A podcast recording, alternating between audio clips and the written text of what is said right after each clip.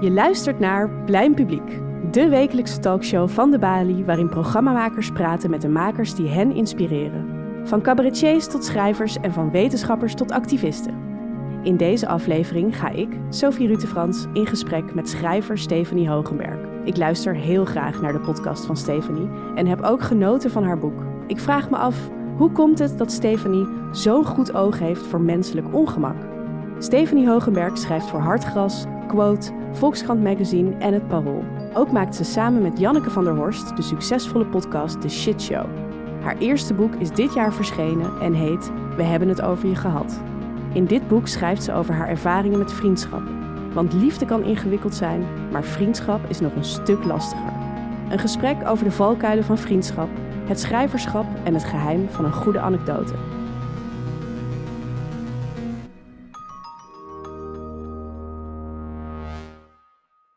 Fijn dat je er bent, Stephanie. Ik ga jou een aantal vragen stellen die we iedere week aan al onze gasten stellen. En de eerste vraag is: uh, wanneer wist je dat je een schrijver was? Ik heb dat nooit echt zo, zeg maar, zo'n bewustwording gehad. ja. Maar het begon allemaal op mijn negentiende toen ik naar Frankrijk ging voor een taalkursus in Nice. Vijf weken lang. Ik dacht van ik kom daar aan en dan val ik meteen met mijn neus in de boter. Heb ik allemaal leuke nieuwe mensen die leren kennen. En ik was nog helemaal niet bekend met het concept dat er van de twintig mensen maar één iemand leuk is. Ja. Eh, en dus de, de eerste week eh, viel echt best wel tegen. En ik had een Waar ben jij het nu site aangemaakt. Want daar had ik me heel erg op verheugd. Om te bloggen. Ja, Ja. ik, dat leek mij heel erg leuk. Alleen toen viel het dus heel erg tegen. Maar ik dacht, ja, ik heb die site en ik had het ook best En wel iedereen groots aan- verwacht dat. Ja, ik had het ook groots aangekondigd. Van, ik ga daar stukjes op schrijven. Dus eh, hou je mail in de gaten. Maar toen ben ik wel toch gaan schrijven. En ook de eerste dag hoe erg het tegenviel. En dat vonden mensen het leukste stukje. Gewoon die allereerste keer dat ik zo schreef, dat ik het zo vers- verschrikkelijk vond daar. Had je dat verwacht? Nee. Nee, en dat, was, en dat was, heeft me toen heel erg aangemoedigd. Want ik kreeg daar heel leuke reacties op. Wel veel van kennissen van mijn ouders en zo. Maar dat vond ik toen allemaal eh, prima. Dat heb ik toen elke dag gaan doen. Dus elke dag ging ik naar het internetcafé. En dan ging ik elke dag mijn dagen beschrijven. Daar kreeg ik heel veel leuke reacties op. Ja, dus toen dacht je, dit gaat goed. Dit is Ja, iets. ook dat mensen zeiden van, oh, ik heb zo gelachen om... eh, er was op een gegeven moment een man in mijn klas, eh, Klaus, eh, een Duitser. En die ging snoeihard op zijn gezicht. En die kwam zo binnen in de, in de les. Die viel over een, een hengsel van een rugzak van iemand. En die kon zich nog net opvangen tegen de verwarming. En ik stierf gewoon. En dat heb ik toen beschreven. En toen zeiden mensen echt dat het zo overkwam. Dat zo van, oh, wat moet dat grappig zijn geweest en zo. En toen dacht ik, oh, wat leuk dat je dan zo mensen kunt vermaken, weet je wel. Ja.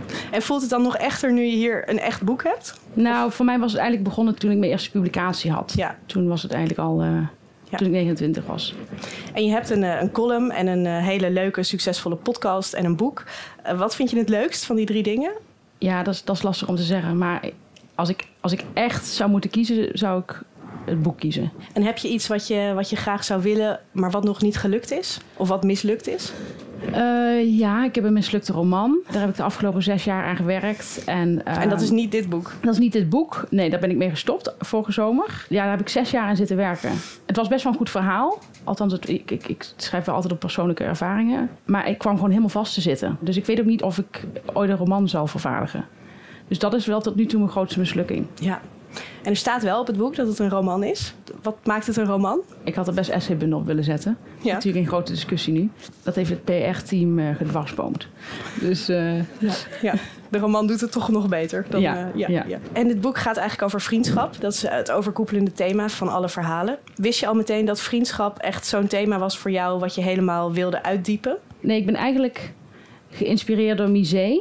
Eh, Nicolie die- Misé, Nicolie Misé, schrijfster. Daar heb ik het ook wel vaker over gehad in de podcast. Dat zij een grote inspiratiebron voor mij is. Zij loopt ook tegen allerlei dingen aan. Zij schrijft in dagboekvorm. En dat herken ik heel erg. Dat je gewoon, ja, gewoon de kleinste dingen maken gewoon heel veel indruk.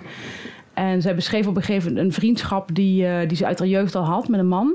En die ze met een briefje heeft opgezegd. Zo van, ik, eh, ik ben er klaar mee. Eh, het gaat je goed. Ja, ik denk dat het voor anderen niet misschien altijd heel duidelijk is. Maar Ja. ik begreep het echt helemaal. Ik dacht, dat dit, dit, ik moet het eigenlijk ook gaan beschrijven. Want eh, ik loop hier ook mee rond. En ehm, dat inspireerde me om daar, om, om daar ook iets mee te doen. Want ik, ik, dat heeft zij ook wel. Dat zegt ze ook ergens in een van de boeken.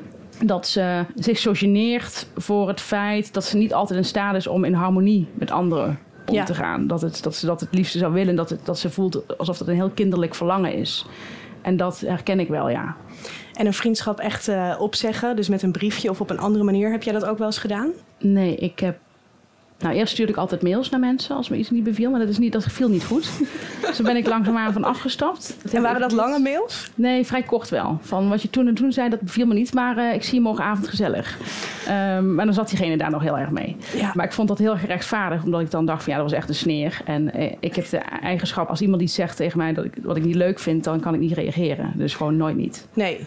Dus er is geen primaire reactie? Nee, dan niet. Ja. Dus ik ben wel vrij primair, denk ik. Maar niet als iemand iets zegt wat me niet bevalt. Dan moet ik heel, eerst even heel erg lang voor werken. En dan lig je in bed en dan denk je... Ja. Al die dingen. Ja. Denk ik, klopte het dat het sneer was? Ja, ik denk het wel. Dus ik ben, niet, ben van die mails ben ik afgestapt. Ik heb het pas gelukkig twee keer gehoeven te verbreken met iemand. En de laatste keer heb ik dat uh, aan de telefoon gedaan. Heel volwassen. Ja, ging dat in harmonie? Ja, die, diegene, is niet, die, diegene is niet kwaad op mij. Althans, nu misschien, misschien wel, verdrietig. Maar... Ja, was wel verdrietig. Maar hij heeft nog later een mail gestuurd met iets van dat ik altijd terug mocht komen. Dus ze was toen niet boos. En dat maakt het ook wel anders, denk ik, dan als je een verkering uitmaakt. Bij een vriendschap is het denk ik misschien als we wat afstand nemen, dan kunnen we later weer verder. Ja, ligt eraan. Ik, ik, ik was zelf wel klaar, echt. Dat wist ik ook wel. Ja. Ik had er echt wel last van, van die vriendschap. Dat is inmiddels ook wel een beetje een graadmeter als ik niet echt aardig over iemand praat. Ik kan me ook voorstellen dat veel mensen denken: ja, maar ik zie die persoon maar twee keer per jaar. Ik laat het gewoon zo. Als ik niet meer kan, kan het niet meer. Dan is het echt op. Dan is de grens bereikt. Ja. Ik wil iets verder met je praten over vriendschap in het algemeen. Want een paar keer in je boek wordt de angst genoemd om uh, te weinig vrienden te hebben. Of om niet genoeg vrienden te hebben. Hoeveel vrienden denk jij dat, dat iemand moet hebben? Heb je daar een antwoord op? Nee, niet echt. Want ik, ik sta er nu ook weer zo anders in.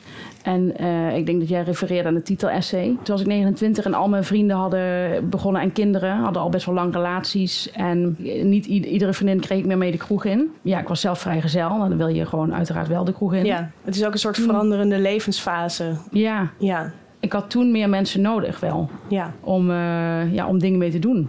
Gewoon uh, ja, bijvoorbeeld te tennissen of uh, vrijdagavond een biertje te drinken. Ja. Of, uh, ja, of, of, naar een feest of zo. Ja. toen was ik echt wel zoekende daarnaar. Ja, ben ik echt voor de kwantiteit ook gegaan.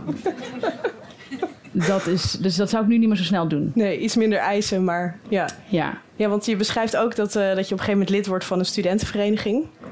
En dan zeg je, wat moet het heerlijk zijn dat je gewoon meteen hop negen vrienden erbij hebt. Ja. Was dat ook zo? Ja, dat waren gewoon negen mensen met wie ik toen eh, lekker in de kroeg kon staan. Dat vond ik toen ook heel erg leuk. Dat was gewoon, je had allemaal dezelfde trui aan. Nou, dat vond ik ook al prachtig. en dat je gewoon zo'n, ja, echt letterlijk een team om je heen hebt staan. En er zijn dan natuurlijk maar een paar die je echt ook daarnaast dan spreekt. Maar ik had wel ook toen heel andere eisen. Want toen vond ik het heel belangrijk dat iemand tot laat in de kroeg wilde staan. En ik vond het leuk als iemand nog een beetje humor had. Ja. En dat waren toen twee ja, eigenschappen die, uh, dat was voldoende. Ja, daar kijk ik nu ook weer heel anders tegen. Best slim, ja, En makkelijk te vinden misschien. Ja. ja. ja. Alhoewel, humor is nog best lastig, denk ik. Ja, maar dat was wel leuk. Ik had wel een dispuut waar echt... Ik had echt een kluit met humor gevonden. Dus was, zij waren zo grappig en zo, zo vreemd. Ook hoe ze in de kroeg deden. En ik had... Ja, er was één iemand bij die deed dan... Die deed zulke rare dingen in de kroeg. Dat had ik echt nog nooit gezien. Zij had dan, ze was echt bloedmooi. Dan lag er bijvoorbeeld een t-shirt. Ja, we wisten niet van wie dat was. Gewoon een t-shirt ergens. En dan, die, die oksels waren helemaal nat. Dus iemand had dan net zijn t-shirt uitgetrokken of zo. En dan trok zij dat aan.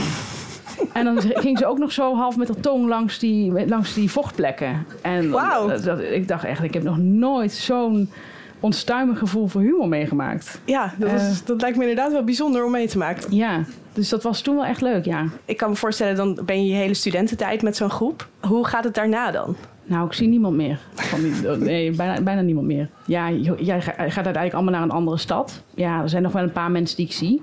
En ik heb er één, één goede vriendin aan overgehouden. Zo'n club blijft niet voor altijd bestaan. Nee. En denk je dat het ook natuurlijk is dat je in iedere levensfase misschien weer andere vrienden hebt of vrienden loslaat en dat het een soort organisch iets is? Um, ja, ik denk, ja, organisch is heel fijn natuurlijk. Dan wil iedereen hetzelfde. Ja, zo gaat het dan. En dan vind je elkaar een tijdje. En dan, ik had bijvoorbeeld iemand met wie ik een tijd lang ben opgetrokken. toen we al bij single waren. En na een jaar was het echt op een hele natuurlijke manier klaar hadden we elkaar gewoon op een hele fijne manier gebruikt. We zien elkaar nog wel eens en dan groeten we elkaar en dan praten we even met elkaar. Maar het zou geen vriendin zijn met wie ik nog langer, zeg maar, het was echt voor de kroeg. Ja. Ze heeft zo'n zulke andere interesses. Ja, dat was gewoon prima. Meestal gaat het natuurlijk niet zo uh, soepel. Of dan gaat het op een gegeven moment knellen bij een van de twee. Ja. Wat je net zei over Nicolie Musée ook, dat het heel ongemakkelijk is.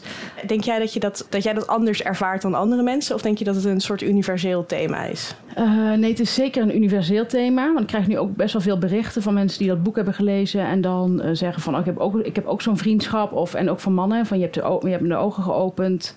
Ik geef nu ook allemaal tips en zo. ik denk dat ik het wel op sommige vlakken wel moeilijker vind. Ja. En ook omdat ik altijd wel, ik denk wel één of twee mensen per jaar opnieuw ontmoet. Sommige mensen hebben een gesloten vriendengroep. Dus die hebben ze in de studententijd opgedaan. En daar blijven ze gewoon de rest van hun leven bij. Ja. En nemen de paar mensen die ze niet zo leuk vinden voor lief. En daar komt eigenlijk ook nooit meer iemand bij. Dus, en ze hebben die behoefte ook niet om nog één op één met mensen uh, bevriend te raken. En ik denk dan ja, maar dan ben je eigenlijk de hele tijd met zo'n groepje herinneringen op het halen van je studententijd. Ja. Het zou voor mij te beperkt zijn. Het is natuurlijk wel fijn om zo'n clubje te hebben. En eh, dat is natuurlijk een hoge loyaliteit. En ergens zou ik zo'n clubje bijvoorbeeld wel willen hebben. Maar daarnaast heb ik gewoon wel altijd nieuwe input nodig. Ja, nieuwe, ervaringen. Ja, nieuwe verhalen, um, nieuwe achtergronden van mensen. Ja. Ik denk dat het ook best wel belangrijk is. Ik vind het wel jammer als mensen het niet hebben. Ik merk wel van ja, ik denk. Dan hebben ze bijvoorbeeld iemand gesproken over verjaardag die ze heel leuk vinden. En dat doen ze dan verder niks mee. Ja. Terwijl ik denk, als je toch een, echt een heel leuk gesprek met iemand hebt gehad... dan kun je toch gewoon zeggen van... we moeten nog eens een keer wat drinken of zo. Ja, maar ik vind het wel interessant. Want het is best lastig misschien om op latere leeftijd... dus als je niet meer op, op school zit of op de universiteit... om dan een nieuwe vriendschap te maken met iemand. Of vind je dat helemaal niet lastig? Ja, ik vind het echt helemaal niet lastig. Nee. Nee, ik vind het helemaal niet lastig. Maar tegelijkertijd kan het ook zijn dat ik ik vind mensen best wel snel leuk. Dus daar zit ook wel zo'n beetje de dingen. Dat, op een gegeven moment denk ik van... Hmm, ja, nee, je bent toch oppervlakkiger dan ik dacht bijvoorbeeld. Of ik kom erachter dat iemand gewoon echt nooit een boek leest of zo. Ja, ja. En dan... Ja, dus je gaat er vol enthousiasme in en dan later ja, valt het misschien tegen. Ja, dus dat kan ik wel hebben. Maar ik ben dus nu wel voorzichtiger als ik iemand ontmoet. Ik ga er niet meer uh, echt vol, vol in. Dat doe ik niet meer. Is dat ook uh, ter bescherming? Ja, omdat ik natuurlijk wel daarmee op mijn bek ben gegaan. Dus ook daarom. Maar ook omdat ik nu weet dat ik dus iemand misschien na een tijdje helemaal niet meer zo leuk vind. Dus ik weet dat ik dat gewoon met rustiger moet, moet opbouwen. Ja. En dat op je bek gaan, refereer je dan aan uh, het verhaal in het boek over de, de vriendengroep waar jij eigenlijk bij kwam? Kun je daar iets over vertellen? Ik dacht dat ik een heel leuke nieuwe groep had gevonden van eh, vriendinnen. Zij waren al bevriend met elkaar. En ik was een soort van geadopteerde puppy. Ik mocht erbij. En uh, iedereen wilde ook één op één met me afspreken en zo. Nou, en ik, ik, ging daar gewoon helemaal in. En ik voelde ook helemaal niets van ja, of passen bij mij. Nee, gewoon vol erin. Ja, en elke vraag naar de kroegen zo. En op een gegeven moment toen, uh, ja, kreeg ik de deksel op mijn neus. Was het uh, zo, ja, we hebben het over je gehad. Heel vreemd. Ben je daar, heb je daar ooit nog een soort, ja, ik wou zeggen closure, maar dat, dat klinkt ook zo dramatisch. Maar heb je daar ooit nog een soort antwoord op gehad? Of een soort, heeft het nog een staartje gekregen? Nee, niet echt een staartje, maar uh, jawel. Dus dat iemand nog een paar jaar later zei vanaf lieve Steef, ze ben ik een kop koffie drinken. Dat was dat eigenlijk het enige. Heb je dat gedaan? Nee. Nee. Dus als het klaar is, is het ook wel echt. dit is niet iets waar je, dit kun je mensen niet vergeven, vind ik. Nee. Nou, jullie moeten het maar allemaal lezen in het boek. De hoofdpersoon, je zei het net ook al een beetje, hè? je gaat heel enthousiast uh, ergens in. En uh, ik heb ook het gevoel dat de hoofdpersoon soms gewoon in een vriendschap rolt. Uh, wat ik bijvoorbeeld heel heftig vond, was dat je op een gegeven moment werd je iedere ochtend voor werk gebeld door een vriendin. Mm -hmm. dat, vond ik dat vond ik al grensoverschrijdend. Hoe kun je, als je, als je zoiets overkomt, hoe kun je dat, kun je dat nog stoppen? Of moet je, zit je er dan gewoon in? Ja, dat zou, dat zou me nu niet meer zo snel gebeuren. Nu zou ik daar ook zelf geen zin in hebben om ja. uh, te gaan bellen. Maar het was gewoon een hele. Het was bijna een beetje post-studententijdfase. Als je dan single bent in Amsterdam en ik was ook met mijn werk heel erg zoekend. Ik had geen vaste baan. Ik zei, ik wil dat schrijven heel graag. Uh, dus ik moest mijn dagen zelf indelen. Want ja, ik had niet aan één stuk door freelance klussen of zo. Dus daardoor was ik er ook wel vatbaar voor. En ik dacht wel, het is wel veel. Ja. dat wel. Dus ik voelde het wel, ja. maar ik deed daar helemaal niks mee. Nee, maar dat is wel interessant. Want dan voel je eigenlijk van, dit, dit wil ik helemaal niet. Of dit, dit Ja. gaat niet zo langer. Maar je kan er ook niet uit. Nee. Nee, ik durfde het ook niet zo goed. Want ik dacht van ja, ik heb dit echt nodig nu. Het is, Ja. het is fijn dat, ik, dat, ik, dat, dat iedereen bevriend wil zijn met me. Ja, ik kan me niet permitteren om Nee. te zeggen, jij even niet. Nee. Nee. Wat ik nu wel eens doe, met het risico dat iemand gewoon me nooit meer vraagt. Maar dan denk ik, ja, maakt me niet zoveel uit. Want ik, ja. Dat risico neem je dan. ja. ja. Terwijl toen dacht ik, ja, dat kan ik nu niet, eh, kan ik nu niet gebruiken. En ik dacht, eh, er zit ook een verschil in mensen die actief vrienden worden met mensen en mensen die bevriend worden door iemand. Ik heb het gevoel dat jij meer van het initiatief bent. Maar toen ik dit las, dacht ik, ja, het is ook een beetje een flow waar je met twee vrienden soms in terecht komt. Dat de een meer initiatief neemt dan de ander. En dat is dan een soort dynamiek, net als in een relatie, dat je daar een beetje in kan verzanden. Het ligt zo erg aan de persoon. Want ik denk dat ik bij sommige vrienden de initiatiefnemer ben. Ik heb ook wel eens dat, dat mensen met mij allemaal dingen willen doen. Laatst stelde iemand ook iets voor. dacht van, het is echt echt niks voor mij. Dus ik ken me ook niet heel goed. Ja. Dat is ook vreemd. Ja, dus het hangt een beetje af van de. Ja, het hangt een beetje af. Maar ik vind het wel leuk als uh, vrienden initiatief nemen. Dus ik had een vriendin die, die had altijd echt hele, hele gekke dingen die ze wilde doen. Dacht ik, wat, wat grappig. Weet je, zou ik zelf nooit opkomen. Activiteiten. Ja, zoiets als dan wil ze gaan karten of zo op zondag. Dacht ik, ja, lachen. Ja. Daar zou ik zelf nooit opkomen. Nee volwassenen doen volgens mij nooit zulke wilde dingen meer. Of in ieder geval. Nou, weinig. Ik denk dat weinig mensen wel initiatief tonen. We hebben altijd een uh, standaard vraag die, uh, die de vorige gast aan de volgende gast stelt. En vorige week was uh, Emma de Touaar te gast, kookboekschrijver en, en kok. En die vroeg aan jou: wat maak jij voor mensen als je ze wil imponeren? Ja, dat is wel echt, uh, echt een hele grappige vraag. Ik heb maar één gerecht. Ik heb sowieso nooit eters eigenlijk, want ik hou niet van koken. En ik hou ook niet van die rotzooi daarna in mijn huis. Als mensen komen eten, maak ik echt altijd hetzelfde. En dan moet, ze moeten van koriander houden, anders dan houdt ze erop. En dan is het altijd uh, een, een noedel-kipgerecht. iedereen vindt het wel heel lekker, maar ik maak het gewoon altijd. Dus in mijn studenten had ik paella van knor. Het is wel altijd lekker. En nu is het dus altijd die noedels met kip met koriander en een glaceerde kip. Dat klinkt wel chic. Ja, dus gewoon honing eroverheen uh, flikkeren. Ja. en ben jij wel eens door iemand geïmponeerd met een gerecht? Ja, vaak. Ik heb best wel wat vrienden die uh, goed kunnen koken. Ik uh, had laatst dat, er vrienden, dat ik bij vrienden ging eten en die hadden zo ongelooflijk imponerend gekookt dat ik ze niet meer terug durfde uit te nodigen. Is er ook een grens aan hoe imponerend je, je maaltijd mag zijn voor vrienden? Nee, dat vind ik niet. Oké. Nee. Ja. Ik laat me niet zo makkelijk imponeren. Ik vind het wel, uh, nee, ik vind het heel leuk, maar ik heb andere kwaliteiten. Ja, en daar ben je gewoon oké mee. Ja. Hoef je niet te bewijzen dat jij ook. Uh... Ik zorg wel dat er lekkere wijn is. Dat is ook een gaaf hoor. Heel veel mensen zetten helemaal geen lekkere wijn uh, neer. Doe je dat dan bij het gerecht? zoek je dat dan nee, uit? Nee, dat niet. Nee. nee. Gewoon lekker in het algemeen, voor alles. Ja. ja. Je hebt ook iets meegenomen dat jou uh, inspireert of dat je heel goed vindt. Uh, dat is de film Notes on a Scandal. Mm -hmm. Als het goed is, kunnen wij nu de afbeelding zien van de uh, poster van Notes on a Scandal. Waarom heb je deze film meegenomen? Het is een best een oude film al, toch? Ja, volgens mij 2006 of zo. Ja, ik heb dus een beetje afwijking met deze film. Ik heb die dus ooit gekeken. En die heeft zoveel indruk op mij gemaakt. En ik ben echt blijven hangen in deze film. Dus ik, ik kijk hem denk ik nog twee keer per jaar keek hem ook een keer met een vriendin. En die zei van ja, ik vind het echt wel een goede film. Maar om dat nou twee keer per jaar te gaan kijken, dat is echt wel. Uh, daar ben ik ook niet meer bevriend mee. Maar um, ik vind gewoon alles zit in deze film. Alle thema's die ik interessant vind: vriendschap en eenzaamheid. En er zit ook liefde bij. Dat vind ik eigenlijk het ondergeschikte thema. Ja, ik herken me in beide personages. Die, het gaat, zij zijn allebei eenzaam op, op hun eigen manier. Het is een thriller. Het is niet super eng, het is gewoon heel spannend. Je voelt in alles dat het, dat het niet goed gaat aflopen. En er zit zo, en dat vind ik het leuke eraan, dat er tegelijkertijd uh, heeft die Judy Dench een voice-over. Dus die schrijft in dat dagboek elke avond en hoor je dat in de voice-over. Want het gaat over twee vrouwen, of eigenlijk over Kate Blanchett komt werken op een school, toch? Ja. En die raakt bevriend met, met deze vrouw. Ja, dus die Judy Dench, die, die, dat is echt zo'n, zo'n, ze noemen zichzelf ook een dragonder. Zeg maar, ze hoeft maar stil te zeggen en iedereen in de klas is stil. Nou, je kent dat soort leraren ja. wel.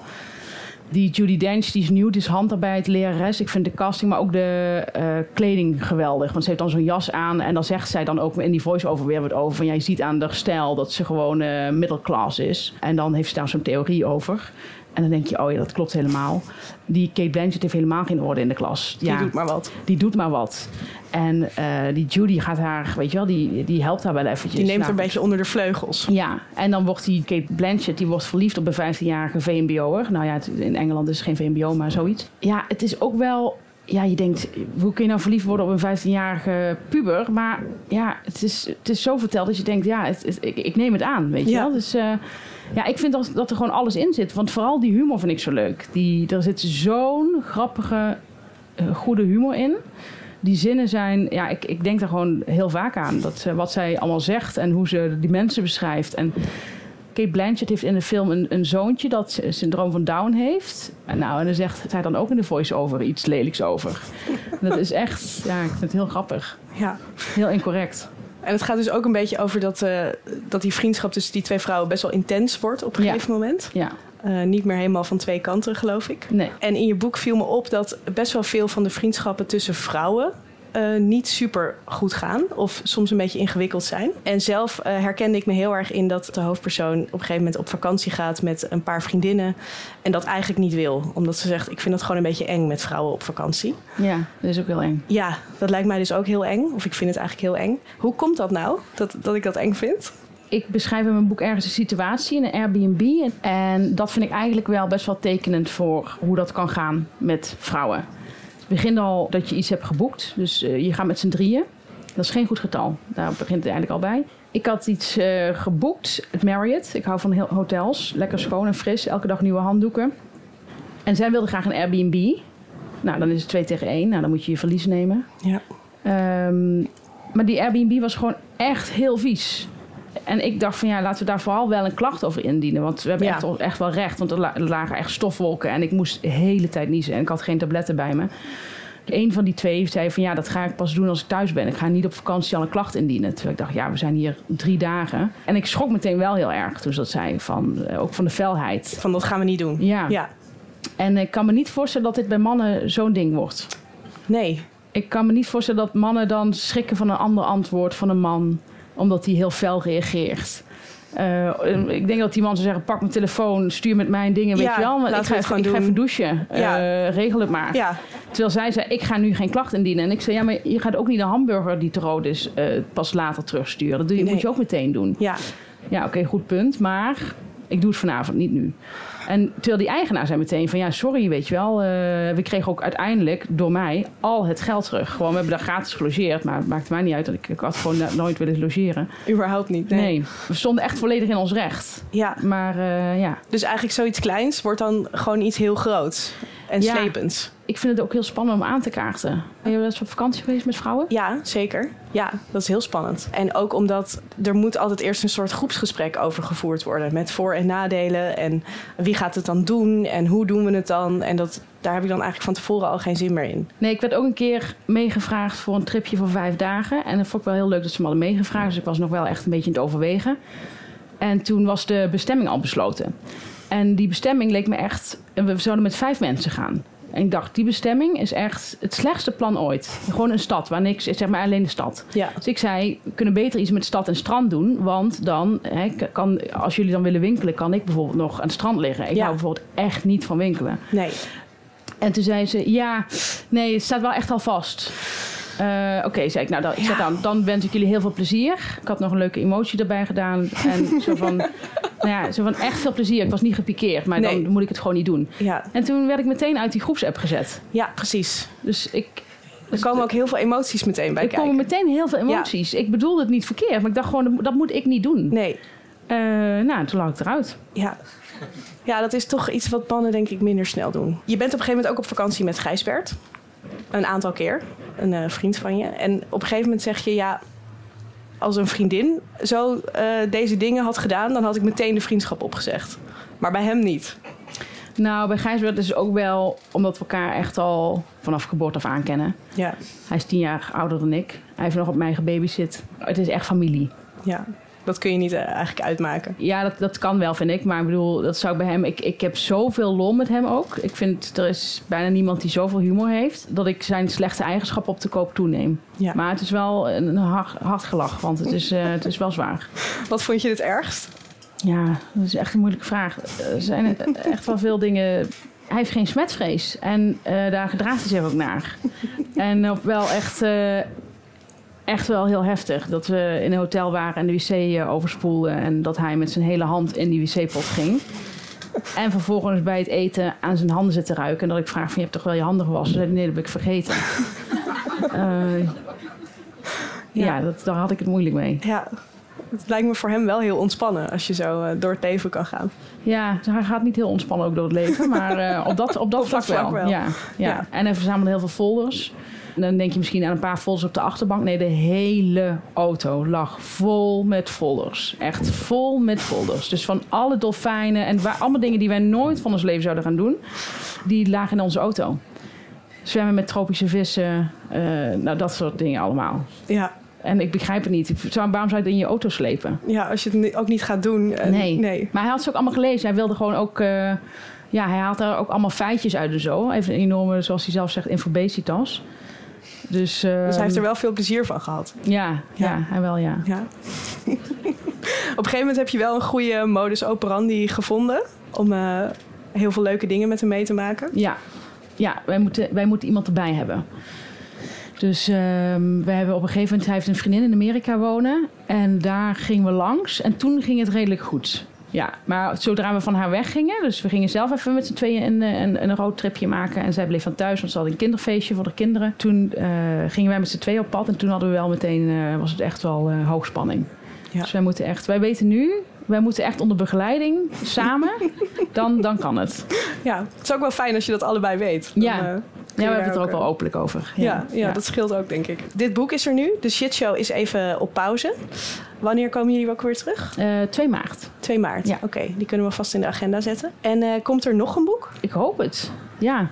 Ik, uh, ik heb wel zin om, om, weer iets te maken, maar ik weet nog niet precies, nog niet precies wat. Spannend. Ja. ja. Dit was uh, Publiek met mijn gast Stefanie Hogenberg. En volgende week zit hier mijn collega Kees Foukema met Thijs Goldschmidt, bioloog en PC Hoofdprijswinnaar. Wat zou je van hem willen weten? Ik zou van hem willen weten, hij is ook schrijver. Ja. Als hij iemand zou moeten afschrijven op papier, wie dat dan zou zijn? Goeie vraag. We gaan het volgende week zien. Heel erg bedankt voor het kijken. Wij praten hier nog eventjes door en tot volgende week.